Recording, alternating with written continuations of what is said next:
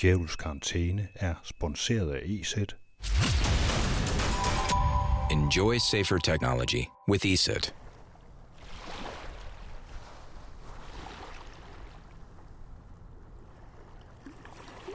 Det er mandag. Det er Nødradio. Jeg hedder Anders Kjævel, for i dag er endnu en solbeskinnet dag i det, som statsministeren kalder en mærkelig tid. Og jeg indtaler stadigvæk det her i mit mærkelige klædeskab i det lille værelse, jeg har bygget om til kontor, mens jeg holder afstand til mine medmennesker. Lyden herunder er fra havet. Jeg kører en motorcykeltur ned til vandet. Men dagene ellers ligner hinanden, som om man sidder i en kæmpe stor gynge i et svingende, syngende, karmisk loop. Her i skabet er der kun mig og min netforbindelse, der rækker ud til dig derude, som jeg savner så inderligt. Dig, som også er alene foran alle skærmene. I dag åbner statsministeren måske en sprække i vores karantæneliv, men her kl. 17 om eftermiddagen ved jeg ikke, hvad hun finder på endnu. Men jeg har talt med en, der har siddet i karantæne længere end os andre, og som lige nåede at komme ud af den første karantæne, før den næste satte ind. Hun hedder Sande Bjerg og er forfatter og tænker meget over, hvor vi er på vej hen og hvad vi skal bagefter, når og hvis det hele lukker op. Men først nyheder fra Nødradios digitale overdrev. More bad news. I fredags kom Google med en stor rapport. See how your community is moving around differently due to COVID-19 hedder den, og der er data fra 131 forskellige lande i den rapport. De data viser, hvordan Googles datasubjekter også bevæger os mellem hjem, parker, indkøbscentre osv. over tid og med forbavsende stor præcision, og alle medier elsker den rapport, for er, hvor er det spændende, at vi kan holde øje med, om folk overholder diverse forbud fra staten. Men ho, er Google statsejet?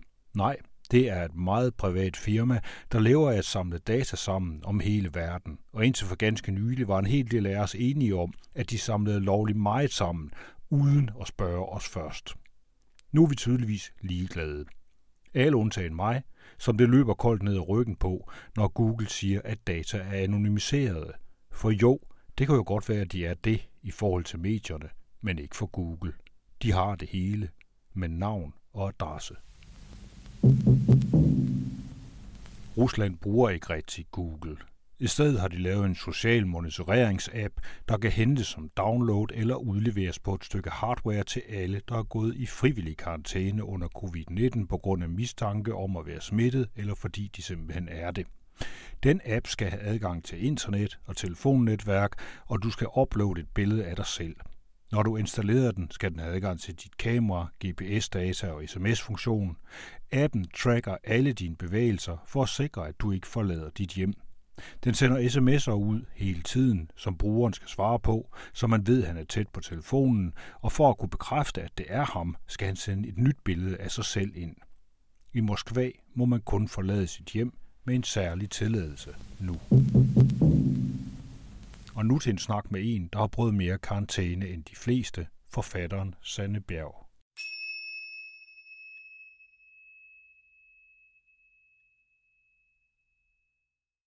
Jo, vi 20 startede lidt, eller, eller fordi min, min søn øh, går på Rysensten, som jo var et af de steder, det hele startede i København i hvert fald. Øh, så jeg tror, det var 8. marts, øh, kom jeg hjem, og så sad han helt forvirret og sagde, at det så ud til, at hele hans klasse skulle i karantæne, fordi en af hans kammerater var syg. Og så var han er 18, så det var ligesom, øh, om han skulle være alene, det var der nogen fra hans klasse, der skulle, eller ej, og om jeg skulle være der, om hans kæreste skulle være der, så vi havde lige sådan en øh, helt kaotisk aften, på det tidspunkt, hvor corona stadig for mig var sådan ret abstrakt og fjernt og østasiatisk nærmest. Øhm, og så fik vi så fundet ud af, at det var ham og mig, og ikke kæresten. Og så øh, lukkede vi os inde der, hvor på det tidspunkt, hvor det stadig bare føltes sådan lidt, lidt spændende og eksotisk.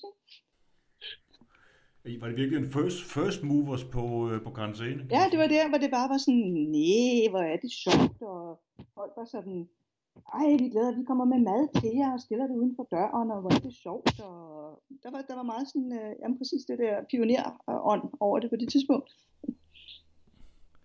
Og I, I har simpelthen men I, I har også, jeg ved, I har taget det meget alvorligt. I har altså simpelthen været, I har været sådan stort set helt lukket ind. I har ikke været ude og gå små ture. Så Nej, der på det tidspunkt, der var det jo ligesom virkelig, det her er alvorligt, ikke? Og øh, han kunne være smittet af sin klassekammerat der, og derfor så var det på det tidspunkt ligesom meget entydigt, at hvis, hvis det var tilfældet, så var det jo fuldstændig afgørende, at vi ikke gik ud og, og leverede det videre nogen steder.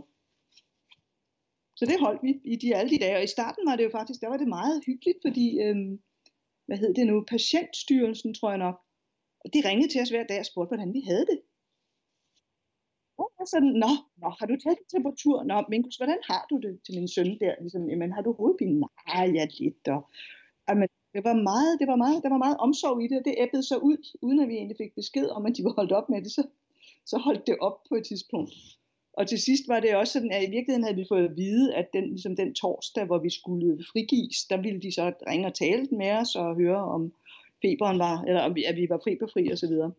Men der hørte vi aldrig noget, så blev det sådan lidt en kaotisk samtale mellem alle, deres, alle hans klassekammerater om, må vi gå ud nu, eller hvad, hvad må vi egentlig? Eller, og så var det hele jo ligesom gået i opløsning alligevel, fordi så var alle andre også blevet basically lukket inde, eller i hvert fald begrænset. Så, så den der forløsning, vi havde allerede nået at se, den der store forløsning, når vi kom ud, så skulle vi holde fest, og så var det jo bare en anden verden. Ja, da I kommer ud, så er verden i virkeligheden under, der er det sådan, der har folk i almindelighed fået besked på, at de skal ja. blive hjemme. Det vil sige, det, det, det er noget, som er ikke så fedt, når man er 18 år gammel, øh, og har glædet sig til at komme ud og være sammen med sine venner og spille fodbold. Der var virkelig en, der fik et dyk der.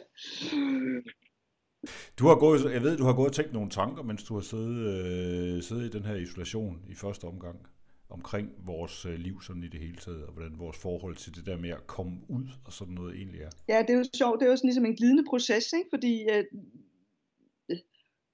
altså det kan man nu, det er snart en måned siden, at vi startede, og hold nu op, hvor, hvor er de ting, jeg tænker nu anderledes end det, jeg tænkte for en måned siden. Øh, fordi lige der var, der var det jo bare sådan en time-out øh, pause. Ah, vi kan sætte farten ned, og, og der hvor, hvor vi alle sammen begyndte, altså jeg nåede jo sådan noget med at gøre, gøre rent i køkkenet, altså det lyder, det er helt over at sige, det er noget at gøre rent i køkkenet. Jeg nåede at gøre nogle af de ting, som jeg har udskudt de sidste par år, og have de der erkendelser af, nej, hvor er det fantastisk at have god tid, og bare være til stede i mit eget hjem, og gøre rent på hylderne og smide ting ud, og min, min søn fik lært tre akkorder på guitar, og, og det var sådan meget, øh, meget poetisk stemning over det der i starten. Og det synes jeg så har ændret sig en hel del siden da. Hvad er der så sket nu, mener du? Nej, jeg vil sige, at, at, at angsten begyndte jo at vokse efterhånden, som det bredte sig øh, så meget hurtigere og var så meget voldsommere, end man lige så for sig lige der i starten. Ikke? Altså, der, der, der, altså den, den måde, vi kom i karantæne på, der så det jo ud som om, at, at der faktisk var en, en teoretisk mulighed for at, at, at containe det, hvis vi bare gjorde det. Ikke? Og hver gang nogen blev smittet, så skulle de bare lige være lukket inde i 14 dage. Eller, og alle dem, de havde været sammen med, skulle også være lukket inde i 14 dage. Det så så dejligt overskueligt ud. Ikke? Altså hele vores rationelle kontrol med alting lignede stadig, at den faktisk øh, kunne holde og havde en chance. Øh, og der må jeg sige, at jeg har virkelig sådan en følelse af at være blevet øh, fået det tæppe revet mere væk under mig øh, nu end, end nogensinde før. En af konsekvenserne, det er jo blandt andet, at vi jo netop, som vi også sidder og gør nu, det er, at vi endte med, at stort set det meste af den kommunikation, vi har med andre mennesker end vores allernærmeste, det er noget, vi er nødt til at lave elektronisk. Har du ja. også, øh, sidder, bruger du også de her elektroniske, altså sidder du også og taler med folk øh, via de her ting? Og hvordan har du det med det? Det gjorde jeg nemlig rigtig, gjorde det rigtig meget de første, jeg vil sige, de første par uger, der var det jo ikke så meget, fordi der var andre mennesker jo bare ude i verden, så der snakkede jeg lidt i telefon, ikke? men da så det begyndte at lukke ned andre steder, og også ude i, i, i verden, så synes jeg, jeg er kommet jeg har lært Zoom-ketten, ikke? og lært at bruge det, og har brugt det sindssygt meget i, i en overgang. Øh, haft forskellige ting, som jeg lige var ved at sætte i gang. Nogle, nogle øh, møder og en, en gruppe øh, fællesskab, jeg var ved at starte, hvor vi så ligesom, så lad os da prøve at gøre det her, fordi nu trænger folk endnu mere til et fællesskab. Øh, og jeg har været til øh, morgendans. Jeg var lige begyndt på morgendans i Absalon. Noget var der en gang, men så gik det jo over og var online. Det prøvede jeg også i starten. Tænkte, men det er jo fedt, vi kan gøre alt det her. Øh, og få løst det. Og så få løst, på dækket nogle af de behov, som jo er der. Og så tænker man, nej, hvor er det smart. Men jeg må indrømme, at øh, så her i løbet af sidste uge, der begyndte jeg at knække fuldstændig sammen med det. Altså, det er jo så også et andet aspekt, det der med at blive meget engageret i, hvad vi kan bruge den her krise til. Men nu for lige at holde tingene adskilt, så det der med at være online og på Zoom-calls og tro, at der er kontakt, og så bare mærke, at det er der jo ikke rigtigt. Altså bagefter har jeg det lidt skidt, når jeg lukker for sådan et to timers møde, hvor vi har talt om, om nærvær og forbindelse, og så, ah, så er det virkelig sådan, øhm, øhm, ligesom, hvad hedder det der, øhm, det der skumfidus-følelse. Ikke?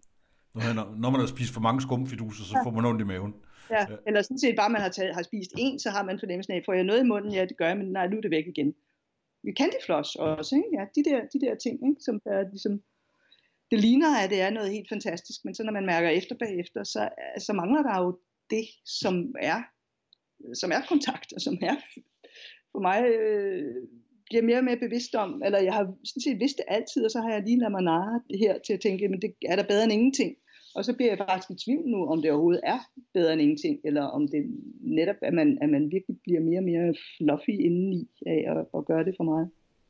Ja, fordi en af grunden til, at jeg har taget fat i dig, det var fordi, du er en af dem, du har været kritisk over for, hvad skal man sige, for digitaliseringen og for alt det her, vores, vores måde at leve elektronisk på. Og, og nu ser det ud som om, i hvert fald afhængig af, hvor lang tid det her det nu varer, Altså så kan vi jo øh, de facto risikere, at det, er, at det måske er den måde, vi er nødt til at leve på. Altså at vi i hvert fald, at den måde, verden kommer til at fungere på, det er, at vi skal bruge vores computer noget mere, vi skal bruge vores telefoner noget mere, og vi skal være mere online. Hvad tror du, det gør ved os? Ja, altså det, det er jo faktisk det eneste spor, hvor jeg, jeg er ellers ikke en, der falder meget i konspirationsteorier, men lige når man tænker det fra den vinkel, så kan jeg lige blive grebet af den der, hej, hvor er det bare smart med sådan en virus der den har virkelig nogle, øh, nogle fordele for dem, som, som øh, advokerer den totale digitalisering eller transhumanisme. Men, men øh, lad nu det ligge, fordi det tror jeg virkelig ikke øh, på. Men jeg tror, at, at konsekvenserne, at, eller rettere, jeg har jo meget følelsen af, at, at vi kommer til at stå ved en, en, en korsvej eller en skillevej, hvor der er to vidt forskellige muligheder for i, i, i virkelig mange dimensioner, når, når coronavirusen er overstået. og det er også det, jeg så er gået i gang med at arbejde på nu, og sige, hvordan sørger vi for, at det bliver en løftestang for, for grøn omstilling, og for at gå nogle af de veje hen, som, som en del af os jo har talt om i lang tid, vi hellere burde gå hen. Og der kan man sige, at det kommunikerer jeg med folk på digitale medier om, men samtidig så har jeg en følelse af, at det, som vi egentlig gerne vil nå frem til, er jo en langt større grad af lokal fundering og lokalsamfund, at få lokalsamfundet til at vokse og få vores øh, lokale nærvær til at få langt, langt mere betydning igen. Så jeg, jeg, det er ligesom om, at, at det, det der, vi kan gå den ene vej eller den anden vej, og det er klart, at på det, på det ligesom overordnede strukturelle niveau er der stærke interesser i, at vi bliver længere, kommer længere og længere væk fra hinanden og bliver mere og mere digitale, og at det her understøtter den retning. Men samtidig føler jeg, at der er meget stærke bevægelser, som netop tænker, her er muligheden for at, at insistere på, at det er en anden vej, vi skal gå, hvis det skal blive langtidsholdbart. En mere bæredygtig måde at være sammen på. Ja, i den grad, altså en, en, ja, som er bæredygtig på alle planer, ikke? Og sige, de, at, at for mig, altså, jeg er jo næsten efterhånden holdt op med at bruge ordet bæredygtig, fordi når man taler i rigtig mange områder, så er det jo regeneration, der er behov for i, i landbrug, i natur, i biodiversitet osv. Der er noget, der skal genskabes eller genoprettes. Og der synes jeg, det er, er interessant, at eller ikke interessant, jo interessant, det er så godt, når man dybest set nede i maven er, er, er fuld af, af angst og redsel og sorg, og så siger man, det er interessant. Men, men der er noget interessant ved at tænke, at det som den sociale og mm, økonomiske genopretning, som bliver nødvendig efter corona, i virkeligheden gør, at, vi på, at der er en alignment af behov for, for genopretning eller regeneration på alle områder nu, og ikke vi kan ikke sige, at det kun er naturen, der har brug for det. Det bliver, at vi bliver nødt til at få genoprettet øh, på alle niveauer af både det økonomiske og det sociale og øh, forholdet mellem lokalt og globalt og forholdet til naturen. At hvis man prøver ligesom at se det helt op i den meget høje helikopter, så kunne man sige, at, at man kunne vende alle de her genopretninger til at se, at de faktisk, hvis man synkroniserede dem, eller ligesom så dem som den samme slags bevægelse, ville det måske føre et, et fælles sted hen, som var i en større balance det vi vil kan risikere, det er vel, at det her det bliver ved på en eller anden måde. Altså at, vi, at, at, at folk stadigvæk vil være nødt til at skulle holde sig fra hinanden, og, og vi er nødt til at holde afstand, og vi bliver nødt til at måske at have grupper, som ikke kan gå på arbejde, fordi vi risikerer, at der bliver for meget smitte der, og alt muligt andet. Det faktisk kan fortsætte i rigtig lang tid. Altså, hvis, øh, det, det, det gør i hvert fald mig øh, ret bekymret, hvis det skal blive ved. Øh, I øjeblikket har vi det lidt som om, alle sammen som om vi er lidt på ferie, ligesom du snakkede om, at din første del af karantænen, det var på den måde. Ikke? Mm. Men nu, nu er det ligesom blevet alvor. Ikke? Altså, hvis, hvis det her det ikke stopper, hvad, hvad sker der så med os, tror Jamen, det er jo interessant, det der nød til. Altså, nu, jeg forsøger at holde mig så langt væk fra nyheder som muligt, øh, fordi jeg kan ikke, min system kan ikke tåle det øh, Øh, og jeg går helt op i det røde felt, øh, og der er jeg hverken øh, konstruktiv eller positiv eller i stand til noget som helst. Så jeg prøver at holde mig på den der lidt afstand, og, og når man ser det derfra, så er det jo selvfølgelig et spørgsmål om det man er nødt til, altså fordi hvad er det egentlig for en forestilling om, om hvad vi er for en slags væsener, som gør, at vi beslutter, at vi er nødt til det. Jeg er fuldstændig øh, bevidst om, at, at hele det med, at vi, vi kan ikke have en stat, hvor der tilliden til staten ryger, hvis sundhedsvæsenet kollapser. Så langt giver det selvfølgelig mening at forsøge at kontrollere mm, det, hvor hurtigt virusen breder sig osv. Men samtidig er det jo dybest set sådan, at det er fuldstændig ukontrollerbart og uforudsigeligt. Og når jeg indimellem falder ind i nyheder, så er det jo netop også, at jeg møder det der totale sammenstød af, at nogen tror et, og nogen tror noget andet, og er det rigtigt, hvad de gør i Sverige, eller kan vi overhovedet se, øh, om, om folk, der har haft virusen, der har haft symptomer osv.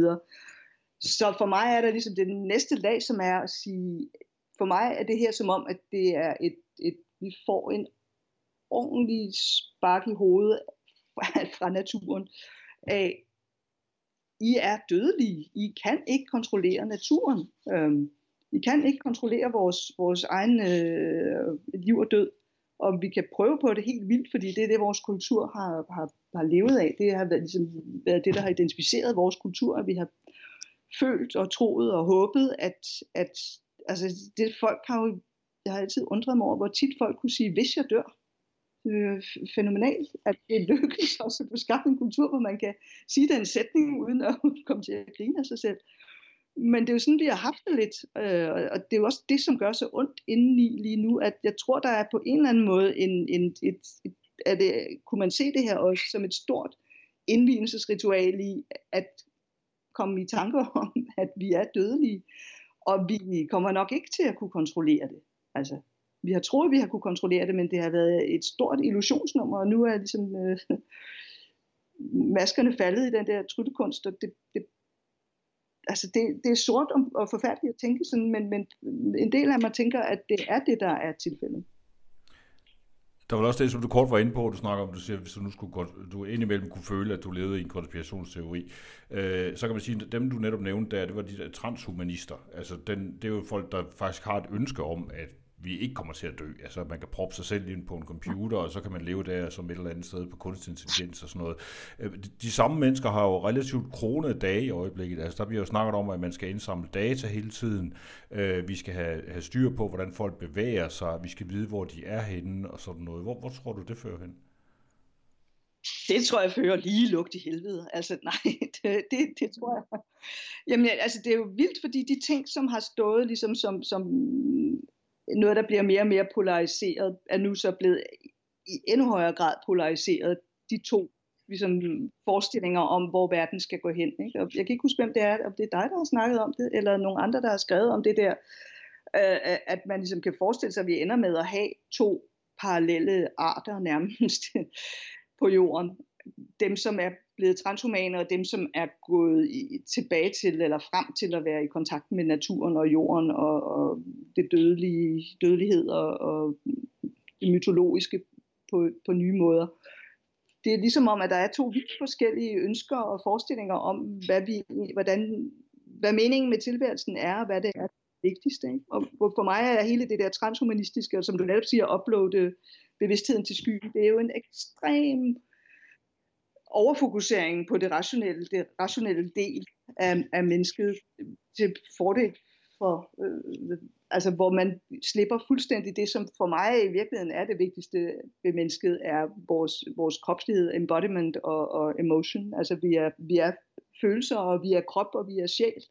Og det er der, vi virkelig er særlige som mennesker, og netop adskiller os fra maskiner eller fra ren, øh, rationel, øh, logisk bevidsthed, som kan uploades. Du var kort ind på det, du nævnte det her med, at du også går og funderer rigtig meget over, hvad vi kan bruge den her krise til. Altså når man har en god krise, så skal man bruge den til noget, som man plejer at sige. Øh, hvad er din bud? Hvad kan vi bruge det her til? Altså det, jeg prøvede at arbejde på nu, er virkelig at se, hvordan man kunne sige, altså jeg har været i kontakt med nogle folk i Tyskland, som har arbejdet på at lave et, et krav til øh, regeringen i Tyskland om, at de store genopretningspakker, som staten vil give til, til erhvervslivet, skal vedhæftes øh, klausuler om øh, at overholde FN's verdensmål og primært klimamålene. Og jeg vil sige, i Tyskland er det jo meget tydeligt, når man har en stor industri, at det virkelig giver mening at sige, hør nu her, hvis, hvis I vil beholde dem, der på tyske hænder, og ikke have, at det bliver købt af kineserne, så må vi så sætte de her klausuler på, under andre omstændigheder, at, at dem, der skal omstille til øh, bæredygtighed og, og overholde klimakrav. Og det samme er det, som jeg tænker, at man skulle, at vi skal, jeg forsøger at sætte gang i sådan en, en inspirations-idé-marathon, for hvordan man kunne øh, sige, at genopretningspakkerne i Danmark ikke skal handle om at sætte hele vækstmaskinen i gang igen, men i stedet for forsøge at skabe en hel masse idéer til øh, lokalsamfund. Jeg så, der er nogen, der prøver at starte en, øh, en jordbrugsfond for at staten skulle give penge til lokale, bæredygtige, øh, økologiske landbrug osv. Og sige, alle de mange, mange, mange mennesker, som bliver arbejdsløse, og som hvis økonomi er slået i stykker af det her, øh, alle de mange små erhvervsdrivende, som er gået for lidt og så videre, og sige, vi, vi putter penge ind i, at de bliver i stand til at udvikle mere bæredygtige øh, arbejdsformer, mere lokalt funderede, mere, at sige, vi kunne være selvforsynende i Danmark i stedet for så sindssygt afhængige af at transportere ting på tværs over den halve verden. Øh, så simpelthen bruge bruge tiden og energien på at, at skabe visioner om en, en mere bæredygtig verden. Nødradio snakker med Sanne Bjerg øh, i øjeblikket, som befinder sig. Øh, hvor, hvor er du egentlig henne lige nu? For jeg ved, du sidder jo ikke i din, øh, hvad hedder det, karantæne, øh, hvad hedder det, mere. Du har flyttet dig. Jeg har simpelthen flyttet mig, og jeg har flyttet mig helt til Møn, fordi jeg trængte til at komme en lille smule væk fra Ingehaveplads, hvor jeg bor. Hvor, hvor kontrasten mellem den karantæne, jeg har været i, og den halvkarantæne, jeg stadig er i byen, fordi at mine forældre er nogle af de her, som er meget sårbare, øh, og som absolut ikke skal have nogen smitte inden for døren. Øhm, så når jeg kommer ned af, af trappen og træder ud på Ingehaveplads, så er der fuld af folk, som synes, at det er virkelig festligt at gå og drikke kaffe og, og spille bull og alt det her. Og det er jo virkelig, virkelig hyggeligt og dejligt, men når man skal bevæge sig igennem det virvar for at komme hen til mine 85-årige forældre med kol, og jeg skal komme efter dig, så har jeg virkelig, det har været ekstremt stressende de sidste par uger, at balancere imellem de der tydeligvis meget forskellige virkeligheder, der er mellem de mennesker, som, som tager karantænen alvorligt, eller kan, kan mærke privat, hvor meget det betyder, og dem, som tager det lidt som en ferie, hvor det er hyggeligt at, at hænge ud på pladser og gader. Så øhm, da nu min søn fik påskeferie, og jeg selv fik det, så er jeg så fundet et hus på Møn, og vi er taget ud og er et hus midt på en mark. Og der er ingen andre mennesker, og det er ufattelig befriende at, at kunne trække vejret øh, igen og kunne gå ud og ind ad døren, uden at skulle tænke på, om, om, øh, om nogen hoster på mig.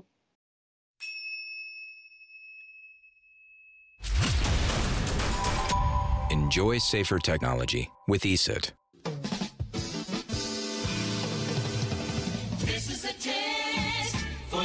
60 seconds, the station will conduct a test of the emergency broadcast system.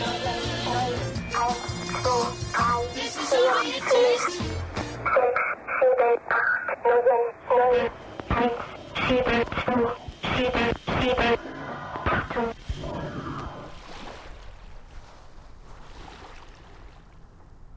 Det var forfatter Sanne Bjerg fra et sommerhus i Danmark, og det var, hvad det kunne blive til i Nødradioen Kævels Karantæne i dag. Du må vente til i morgen med mere herfra. Hvis du har en historie eller et godt tip, så skriv til mig, der står en mail under podcasten. Du må også meget gerne optage en kommentar på din muligvis snart overvågede telefon og sende den til mig. For eksempel via WeTransfer eller OnionShare eller Signal. Jeg svarer på 42 44 06 34. Jeg sender jer alle sammen store knus, kram og kys, for jeg savner jer, alle mine smukke medmennesker. Er det godt at passe på jer selv, nu hvor vi ikke længere kan passe på hinanden på andre måder end ved at holde os fra hinanden. Holde os for os selv, holde afstand, holde ud og holde af.